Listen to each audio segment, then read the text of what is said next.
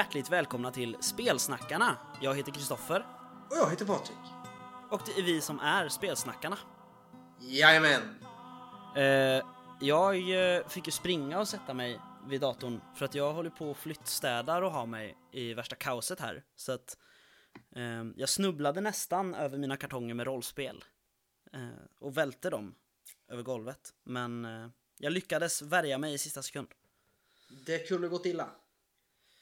Ja, eh, det börjar se ut lite som en så här som att det är hemma hos någon galning i ett coolt rollspel här för att det är lådor och tidningar och rollspelsböcker överallt men knappt några möbler kvar. Det ser ut som när jag skriver kampanjer alltså.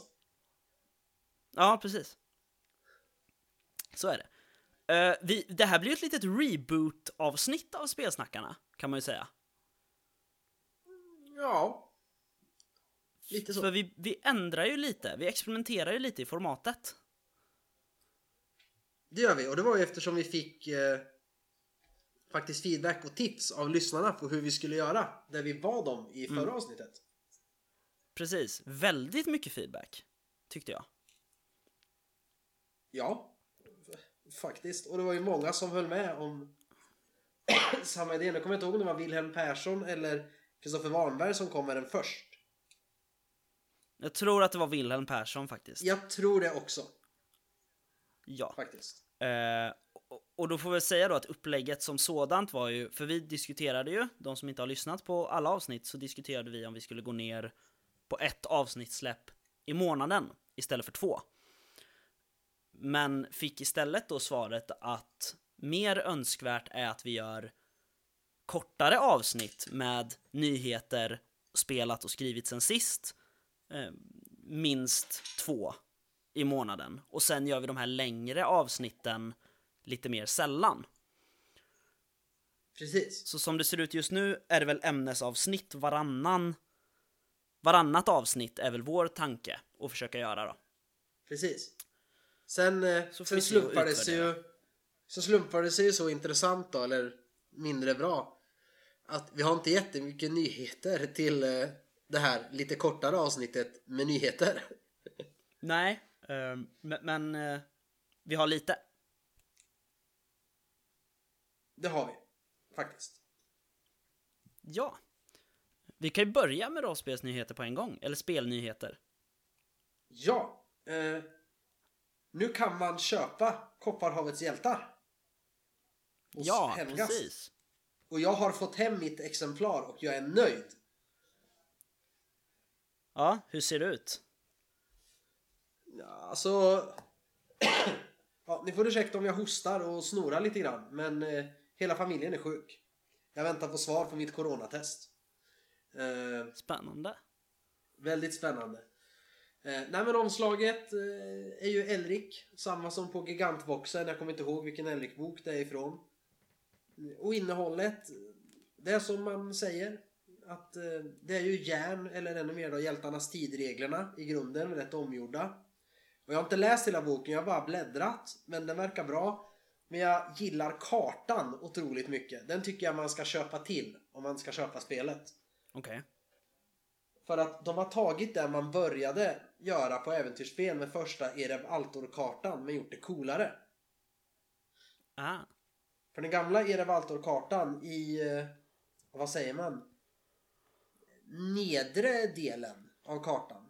Eh, där finns det ju massor symboler för olika enklaver och förbund och kungariken och vad de heter. Men Ja. ingenting mer. Här är det istället att det som ramar in hela den här Kopparhavet-kartan är just sådana. Då har man eh, en bild. Den suveräna Amara 3 av huset Verfont, drottning av Magillre. Och så har man heliga Kishatet och Kastykes guldflotta och så vidare. Och så är de här symbolerna utplottade på kartan. Aha. Vart de här har mest inflytande. Okej. Och sådär. Och det är ju ganska intressant och ganska behändigt när man spelar, eller framförallt spelleder också tror jag. Att om man då har man eh, råkat mucka till exempel med drakfurstinnan av huset Miale och så reser man till eh, Sasanchar och går upp i bergen där. Ja, då kan man få problem. För det är hennes liksom place. Just det. Så det är ganska smidigt. Spännande. Ja. Ja, sen vart jag först besviken när jag läste vissa namn på kartan. Sen vart jag... Sen tänkte jag till och blev glad istället. Okej. Ja men eh, Kriloan finns ju med. Äventyrens eh, stad. Eh, Huxo finns med. Illusionsstaden. Men på en helt annan plats än i Erik Granströms böcker och i de gamla Trakorien-äventyren och i rollspelet. Eh, staden O är med. Fokalerslätten. Karashma är med. Och så vidare. Men Mm. då sitter man ju så här. Men vart är Trakorien då? Resten av Trakorien? Och det här är ju fel ö, för det är ju ingen ö. Men det är ju inte det, det är ju Kopparhavet. Så har man återanvänt vissa saker, vissa namn och platser som kanske råkar heta likadant och det är ungefär samma exakt samma stad som ligger i Trakorien också. Mm. Men det här är ju bara länderna kring Kopparhavet. Och så har man tagit bort de här. Så att eh, först vart jag så här, men Trakorien är ju fel. Så bara, men det här är inte Trakorien Patrik. Det här är en annan värld. Och det här är bara länderna kring Kopparhavet. Så jag gillar att man har gjort det smidigt. Man har tagit vissa element sådär lagom. Man har inte kopierat och bara klistrat in heller. Nej. Så här att om Men- vi tar hela Trakorien och lägger det här. Ja, just det. Utan man har bara flyttat lite namn liksom. Eller återanvänt Precis. kan väl säga. Ja, och så är det vissa städer och de är ju ungefär som de är i Trakorien. Men de finns här istället. Ja. Men det som eh, fanns med på Ereb Altor-kartan i boxen, Ja. eh, det Wilhelm Persson så sent som i morse refererade till som ett pestsmittat sår, finns det med på Kopparhavskartan. Eh, Det är alltså en jättestor det är en jättestor ruta upp till vänster där det står Äventyrsspels. Ereb Altor.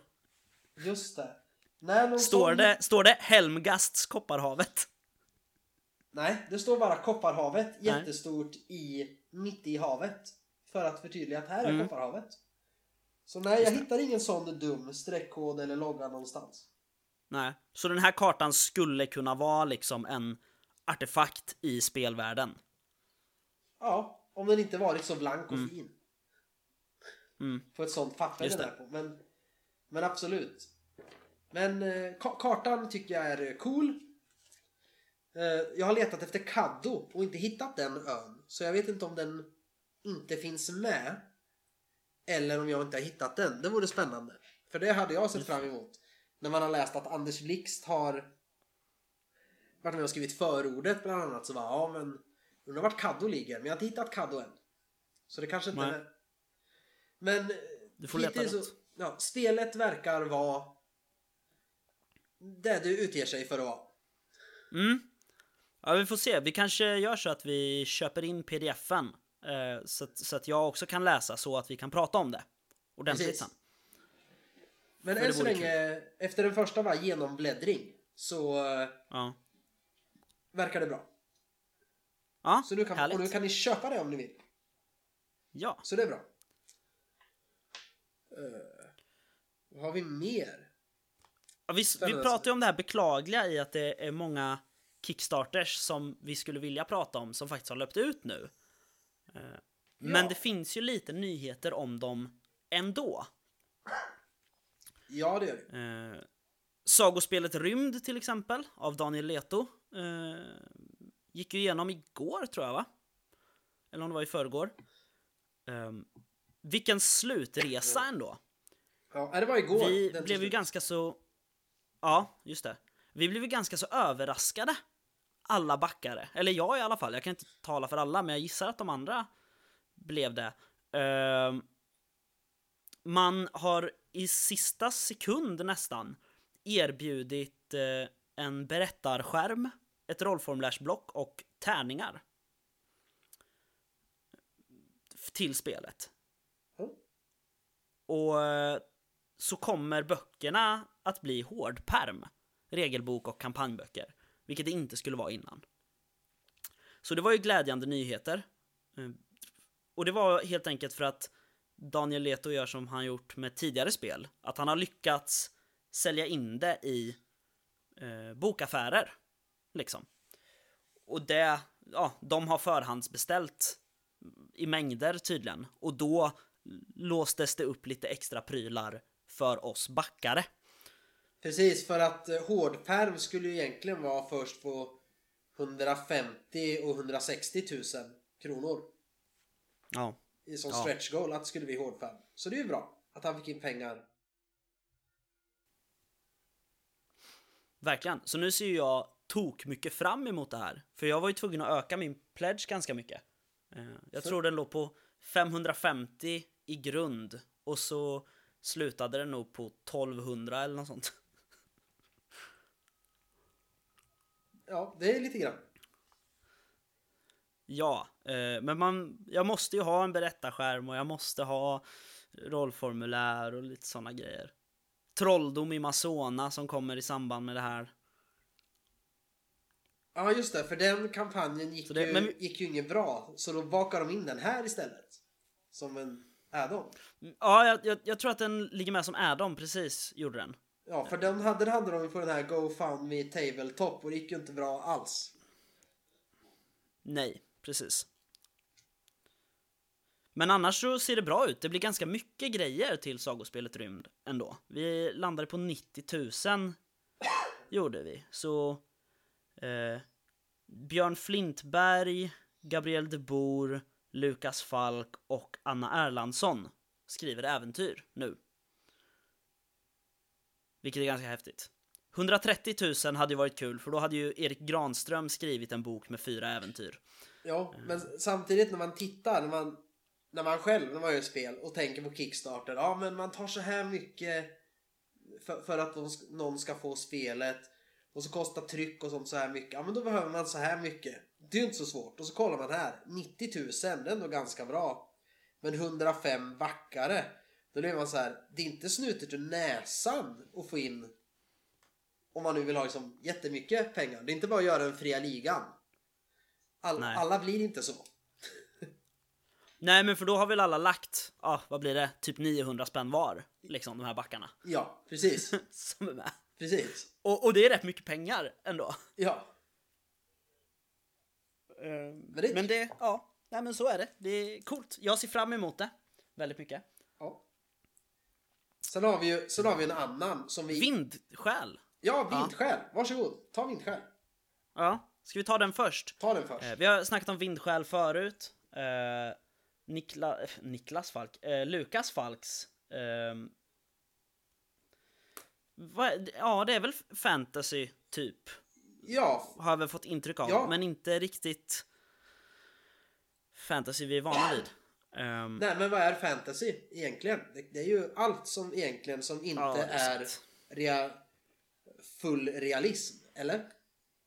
jo, Men som ja, sagt, det är det är inte vår klassiska västerländska. Och jag försökte ju prata i förra avsnittet om vad jag tror att vindskäl är. Och så fick jag väl höra då att ja, men det var ganska nära. Sen Mm. förstod jag egentligen vad jag ville säga när jag såg att Lukas skrev någonstans i veckan att jag är inspirerad av Zelda. Och Ja. inte de gamla utan typ de här som kom till Dreamcast och 64, ja men de här Wind någonting. Ja. Och, och, och då, för jag vet ju hur de spelen ser ut visuellt. Mm. Och då när han sa det så var ja. Det är ju så hans illustrationer ser ut. Det är ju typ den känslan. Så man kan förklara det med de halvnya Zelda-spelen. Så ser det ut. Ja, precis. Eh, det, det är tio dagar kvar på den kickstarten när det här avsnittet släpps. Ehm, och den är ju uppe i ganska mycket, jag tror den är uppe i 300% nästan. 292%.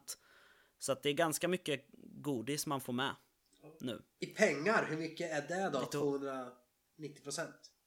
Eh, det är, vi ska se, 116 000. Mer än sagospelet Rymd alltså. Ja, och de hade också en lägre grundsiffra. De hade 10 000 lägre eller har det på vindskäl, än vad sagospelet hade. Det här är intressant. Eh, Jag vet det sista... Ja, verkligen. För att båda spelen är ju gjorda av folk som etablerade rollspelare torde veta vilka de är eller har hört talas om dem Mm. och deras förlag. Mm. Båda har ju haft med texter om deras spel och äventyr i Fenix. Mm. Så att det är ju Båda är ju liksom igenkännande och, och marknadsförda. Ja. Så frågan är vad det är som gör. Men det kan ju för sig vara att de flesta som köper sagospelet Rymd kanske köper det för att ha och spela med sina barn och det är fler som köper Vindsjäl för att spela själv. Men eh, ja, men det är intressant. Mm, verkligen. Jag så, eh, man kan lyssna på... Ehm, de, de släppte häromdagen, om det var förra måndagen tror jag, så släppte ju Rollspelsmåndag eh, ett vindskäl-avsnitt. Just det. När Lukas Falk spelledde Violetta Visioner, ett av äventyren. Där kan man ju Vilket är coolt. Ja, det kan man ju lyssna på om man är lite intresserad av Vindsjäl men inte har bestämt sig än. Precis. I Fummelpodden har de ju också spelat några avsnitt. Och i Svartviken också tror jag, ett avsnitt. Den är jag osäker på, men säger du Så det, det, så är det det finns att lyssna på. Jo men det är sant. jag ljuger väldigt sällan. Eh, yes. Nej men... eh, vi låste ju upp häromdagen, senaste stretch goalet är invånare och samhällen. Um, vilket då är tabeller för invånare och samhällen man stöter på ute i världen. Coolt. Vilket är coolt.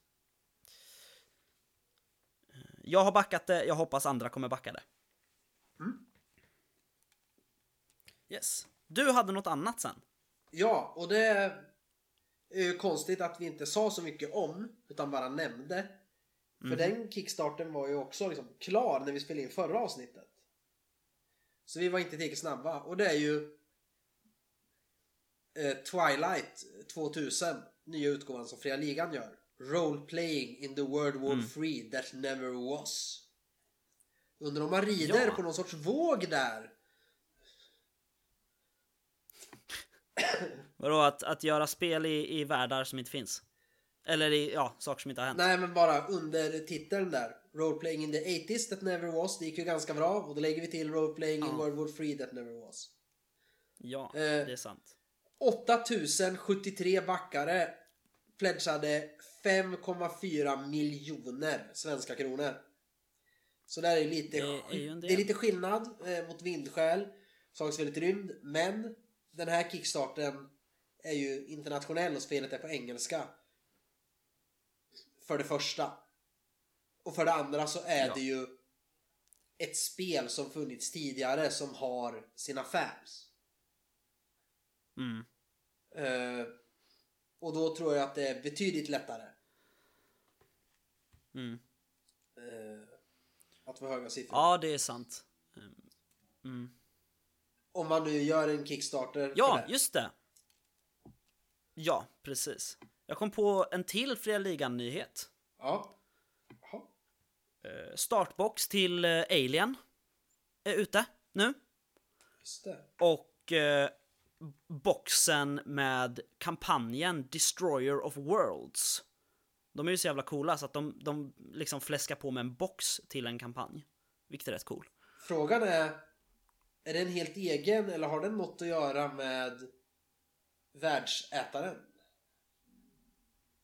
Nej, det, det är nog helt egen. Ja. Så vitt jag har sett så är inte ehm, Axel Vidén som har skrivit Världsätaren inblandad. Okej. Om det var det du syftade på. Ja. Men för att återgå då till Twilight så låste man upp eh, alla stretch goals. Ja, just det. Förlåt, jag stal din Oscar lite där. Ja, så man har fått regler för att bygga baser. Två set med tärningar får man. Först fick man ett. Då fick man ett till. Sen har jag inte läst på om den här, men den kan vara intressant. De har låst upp ett solo play mode. har man låst upp. Oh, Eh, det gillar jag. Ja, och det där är något jag har läst ganska mycket. Jag funderar på om det är att det ligger i tiden. För jag har läst många som frågar på olika forum och så. Mm. Eh, att eh, så här, ja alltså det är ganska vanligt att köra Dungeons and Dragons eh, solo. Men hur eh, gör man när man spelar svärdet som solo? Och så är det folk som har gjort små så här papper och bara ja men du använder den här tabellen och den här tabellen och så gör du så här. Så det verkar vara det. en grej. Framförallt bland engelskspråkiga spelare. Mm. Att spela solo. Och här står det då. Det bara för det är intressant. Nu måste jag ju läsa Twilight 2000 sen. Bara för att se hur de har löst det här. Men det är att de kommer utöka reglerna med verktyg och guidelines för att spela Twilight helt solo. Without the need for even a referee. Ja, Eh, det är cool. ja, men det ska bli kul att se hur de gör det. Så att säga. Ja, ja verkligen. Eh, Men, men vi måste titta mer på, på det där för det verkar ju absolut vara en grej att spela rollspel själv. Nu. Ja, eh, det har jag gjort i flera år. Ja, jo, men, eh, men ändå. Det, eftersom det, jag ser det ganska ofta att folk skriver om det. Ja. Ja men absolut, det får vi undersöka. Hålla lite koll på. Yes. Ja, det var väl Eh, Twilight och Alien-boxar blandat. ja, precis. Lite, lite blandat. Ja. Eh, en pryl som jag har pratat om, en Kickstarter vi pratade om för ett tag sedan, nu är det några månader sedan faktiskt. Eh, Alice is missing är nu släppt. Och finns på Drive-Thru RPG. Det är på rea just nu, 12 dollar istället för 30. Ehm, det är det här spelet jag eh, beskrev, man eh, pratar inte med varandra. Så som jag har fått för mig. Utan man, man skriver sms till varandra Från olika... Um, alltså du är din karaktär som skickar ett sms till en annan karaktär. Aha. Och du har liksom instruktioner med vad vet du om Alice som har försvunnit? Och eh, när såg du henne sist? Och var tror du hon är? Jag har inte riktigt koll för jag har inte köpt det och läst det än. Men jag... eh, Ja, det ligger i, i, i varukorgen kan man säga. Det låter ju intressant. Verkar riktigt coolt. Ja, verkligen. Vad har vi mer? Jo, Vi lägger en länk till det ja. också. Eh. Nu vet vi ju dels vad den heter och så har vi sett den båda två. Mot andra världar på SVT. Ja. Men jag tror att vi påminde om det, att vi hade kommit på det i förra avsnittet också. Jag tror vi hade kommit på det, men nu har båda sett den. Ja, den var bra. Jag tyckte den var ganska bra, men jag blev ändå besviken. Okej.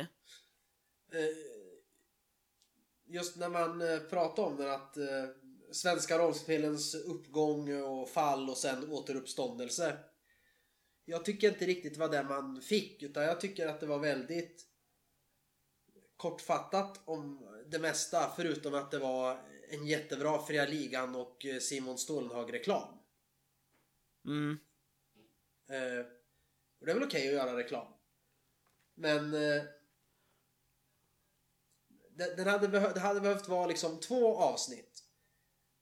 Där man i det första fokuserar mer kanske på just eh, och rollspelarna och pratat mer med folk och de som gjorde spelen och hur det var och hur det kom sig att det gick så bra. Och börja ta sig där mot 90-talet när vi har gått dåligt. Fortsätta där och så vikt 40 minuter i avsnitt två åt vart vi är nu i den här revivalen vi har. Jaha, nu får jag besök av ett litet barn här i studion som har smitit upp för trappen.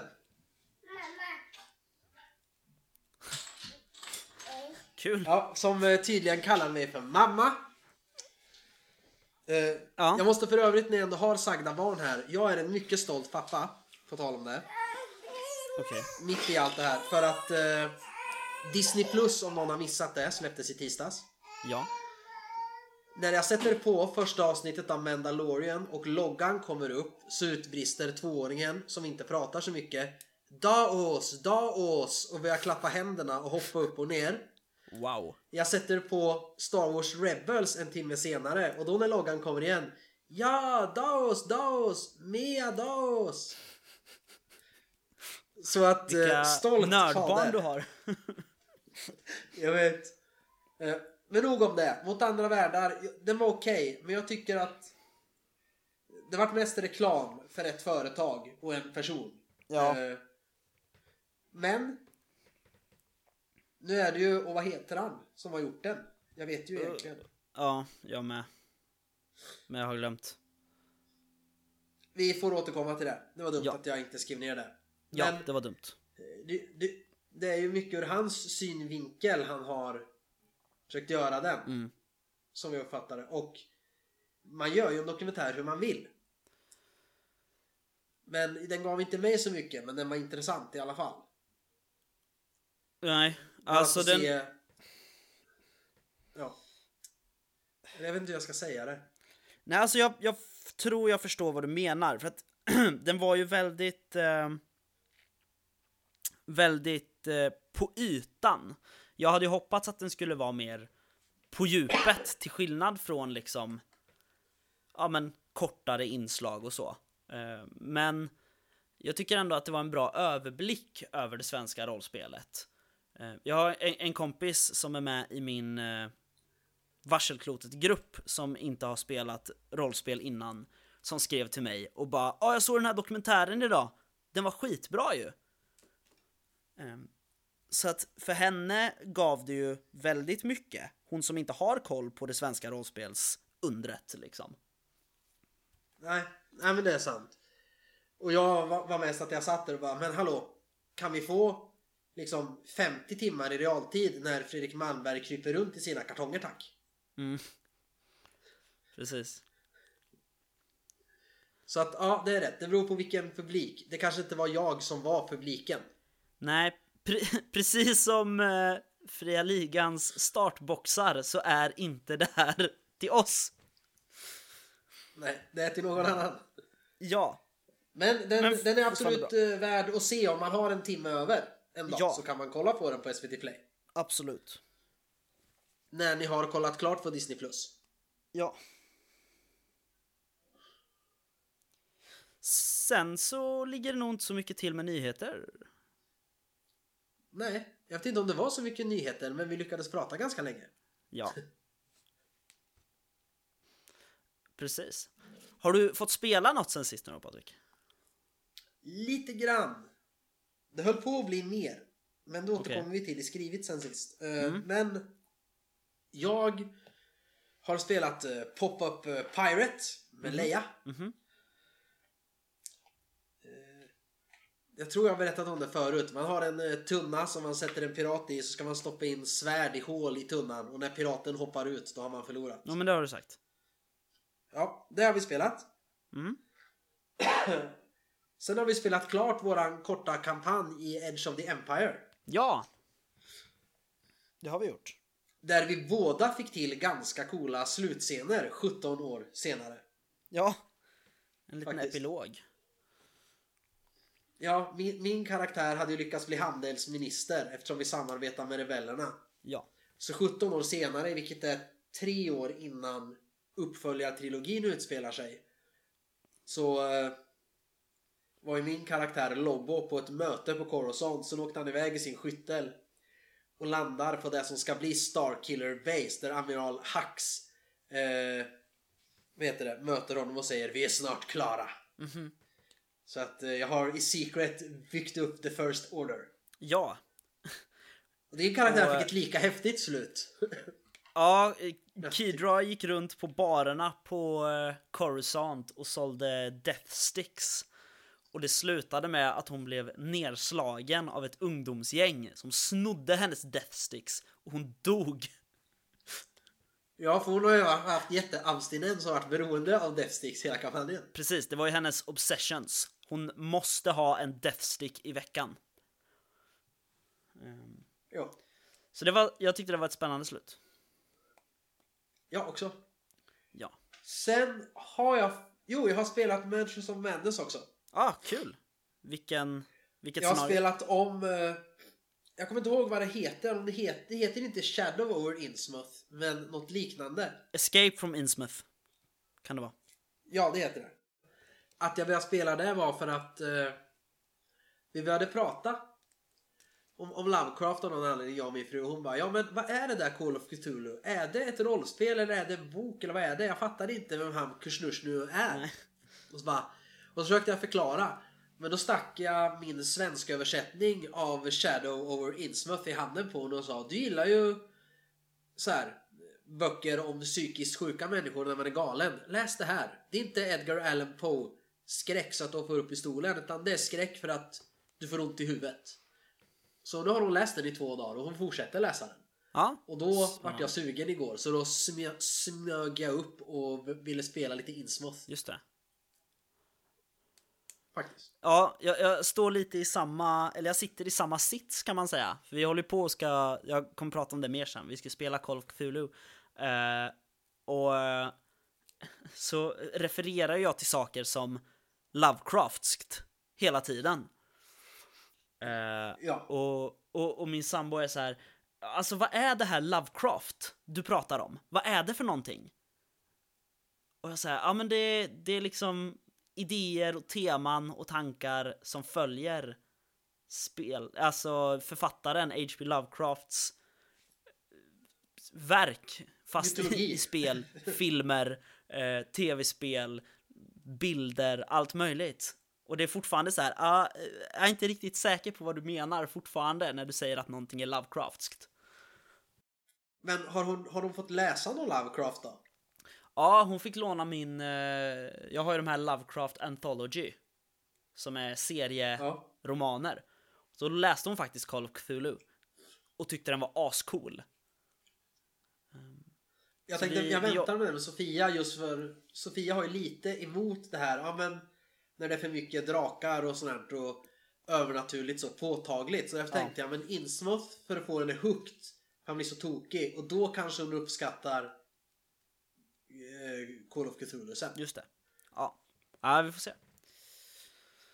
Hur det går för oss. Japp. Har du spelat något mer? Nej. Har du spelat något sen sist? Eh, lite grann faktiskt. Jag har ju spelat Edge of the Empire. Spelat färdigt. Ehm, helt enkelt. Och eh, ja. Som du så fint beskrev det. Det var kul. Det var ett bra slut. Tyckte jag. Ehm, jag har eh, ställt in och flyttat fram tre spelmöten. Oj. Ehm, och alltså i, i eh, inom musikbranschen så säger man ju att en inställd spelning också är en spelning. Och jag funderar på om det är samma med rollspel. Ett inställt spelmöte är också Kan ett du- spelmöte. Kan du bocka av i din spelkalender som Äventyrsspel har etablerat att man har en spelkalender. Ja, Då kan du ändå bocka av det som ett spelmöte. Och så kan du Precis. skicka in det till Sverok så du får bidrag. Ja, nu är inte mig Sverok, men ändå. Eh, nej men, eh, så då har jag inte spelat dem. Jag har spelat Elder Sign två gånger faktiskt. Eh, Med din väldigt- fästmö eller själv? Eh, ja, är svaret. Två gånger. Ja. Eh, måste rätta Patrik, inte fästmö, utan sambo. Men fint. Eh, jag spelade först, för jag har ju packat ner alla mina brädspel och rollspel. Men jag tänkte så här, fan, jag vill spela lite Elder Sign, för det var så länge sedan. Så det lämnade jag uppe. Och så spelade jag det. Och så fick jag frågan två dagar senare. Eh, det måste ha varit förra helgen tror jag. Och då sa åh, på lördag, kan inte vi spela något brädspel eller så då? Hemma hos dig? Jo, absolut, sa jag. Och så blev det Elder Sign. Så vi kämpade tappert mot Itakwa. Ah. Och det gick bra, vi vann.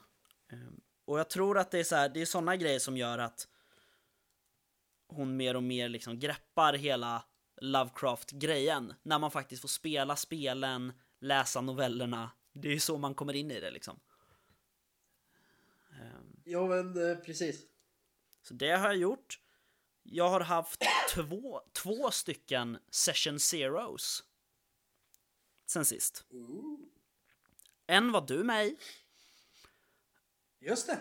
eh, till, vi ska ju spela, nu när eh, Edge of the Empire tagit slut så ska vi ju ta vid med Ur varselklotet. Du ska ju spelleda eh, kampanjen Kronografens hemlighet för mig och Mattias. Jajamän. Jag har gjort en kar- karaktär, jag minns inte hans namn, tyvärr. Eh, Men, men, det har jag här eftersom eh, det är på mitt skrivet sen sist. Ja, just det. Du har ju datornörden William Liam Pettersson. Petersson. Precis, precis. Jag plockar ju tillbaka det här för alla de som tror att Liam är ett eget namn. Så drar jag in då att det från början är ett smeknamn för William. Ehm. Så honom har jag ju gjort och pratat bara lite kortfattat. Men det återkommer vi till. Eh, sen har jag haft Session Zero också med en ny spelgrupp faktiskt. Vi ska spela Call of Cthulhu. Jag ska spelleda, yes. Det ska bli så jävla kul. Ehm, och nu halkar jag in på mitt skrivet sen sist om det inte gör något. Ehm, Varsågod. Ja, vi ska spela en, eh, ett äventyr som heter Förbjuden kunskap, som jag har skrivit. Som jag skrev för tre år sedan, när du, jag och Mattias spelade Cthulhu. Just det. när vi skulle testa det, då var jag tvungen att skriva någonting. Så jag krafsade ihop något lite snabbt. Det äventyret har vuxit så in i helsike nu, kan jag säga. Eh, det är större, det är bättre utplacerade ledtrådar, det är, ja det är till Call of Cthulhu istället för Cthulhu. Eh, det är bra. Jag har verkligen embraceat det här med eh, att göra handouts. För att det känns som att det är en väldigt stor del i Call of Cthulhu. Att man ska kunna ta Där. på sakerna och se dem. Så att jag har suttit och gjort hur mycket häftiga mm, foton och brev och grejer som möjligt. Men ska komma. kommer du, bara för att det är intressant, nu när du byter regelsystem. Mm.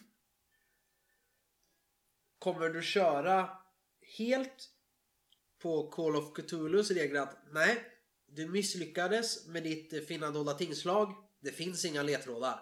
Eller du hittar inga ledtrådar. Eller kommer du ta med dig det från Cthulhu och andra spel att nej men letar du på rätt ställe och är smart så hittar du ledtråden. Men färdighetsslaget krävs ju för att förstå den. Ja men typ, alltså jag tar med, jag vill inte ha bara, ja, finna dolda ting. Ja, du lyckas. Ja, Nej. när du letar under skrivbordet så hittar du en grej. Utan mer, men jag letar jag- under skrivbordet. Ja, du hittar en grej. Jo, ja, men jag är också inne på den att de här två Jag tror de gifter sig ganska bra om man tar vissa element från Mikael Bergströms Cthulhu och applicerar det på Call of Cthulhu. Ja. Eller bara, alltså bara friform liksom. Helt enkelt. Funkar också. Sen har jag skrivit eh, lite mer på mitt eh, socialistiska Cyber M77 äventyr, Interterminalen. Det är så jävla bra namn.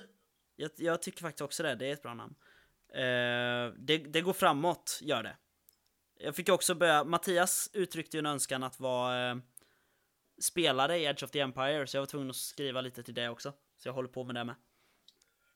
Ja, nu måste vi uppdatera vårt spelledarschema igen här, känner jag. Ja, precis. Vi har halkat ifrån det lite. Ah, e- det får vi egentligen göra. inte. Vi är ju på banan igen nu efter varselklotet och sen ska du spelleda någonting. Sen är det Ja. Mattias tur, så då måste vi ju bestämma det. Ja. Nåväl. Eh, sen har jag nog inte skrivit så mycket mer. Vad har Nej. du skrivit sen sist? Jag har eh, skrivit fler rättningar från eh, första layout, eller layoutsvängen av vad heter det? Mörka-regimen. Okej. Så jag är snart igenom eh, boken här. Eh, det är lite småfel här och var som man hittar. För det är en helt annan sak. Man hittar andra fel också som man inte hittar vid en korrsväng eller en genomläsning. Nu när det är layoutat och lättare att liksom läsa stycken och så. Ja, se vad som hör ihop. Eh, så det går ju framåt. Det känns skönt att det händer saker. Så händer det ju mer där men vi väntar med det ett tag. Eh, men det, det har jag skrivit. Sen har jag jobbat lite med kronografens hemlighet. Framförallt i slutet. Där har jag inte ändrat men jag har lagt till flera alternativa lösningar. Mhm. Just för att jag blev ju det här när jag läste flodskörden. Jo men vad är förklaringen att det har blivit så här? Med maskincancer och slingans förfall och så vidare. Så att man kan som få till det i slutet av den här kampanjen vi ska spela. Mm. Är min tanke.